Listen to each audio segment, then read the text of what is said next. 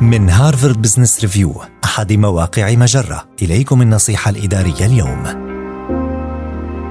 القادة العظماء هم من ينمون شجاعتهم العاطفية. يعتبر الإقدام على فعل أشياء لا تشعر نحوها بالارتياح مكونا أصيلا في شخصيتك كقائد. فقد تضطر إلى إثارة قضية شائكة مع أحد مرؤوسيك المباشرين أو ربما يتعين عليك التعامل مع التراجع السلبي لأحد المشاريع ولتحسين طريقة تعاملك مع المواقف غير المريحة اعمل على بناء شجاعتك العاطفية. دأ بالتفكير في مهارة قيادية تريد أن تتحسن فيها مثل تقديم الملاحظات والآراء التقويمية وحسن الاستماع والوضوح والمباشرة أو ايا مما تريد أن تتحسن فيه. ثم مارس هذه المهارة في موقف منخفض المخاطر. لنفترض مثلاً أنك تريد أن تصبح أكثر وضوحاً ومباشرة. إذا لاحظت وجود خطأ في فاتورة هاتفك، فبادر بالاتصال بخدمة العملاء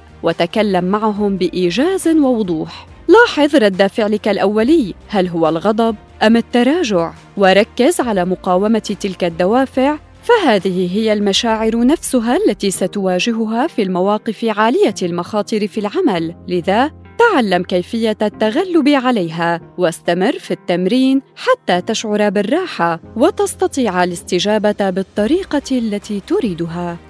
هذه النصيحة من مقال لتطوير مهارات القيادة تمرن في بيئة منخفضة المخاطر. النصيحة الإدارية تأتيكم من Harvard Business Review أحد مواقع مجرة مصدرك الأول لأفضل محتوى عربي على الإنترنت.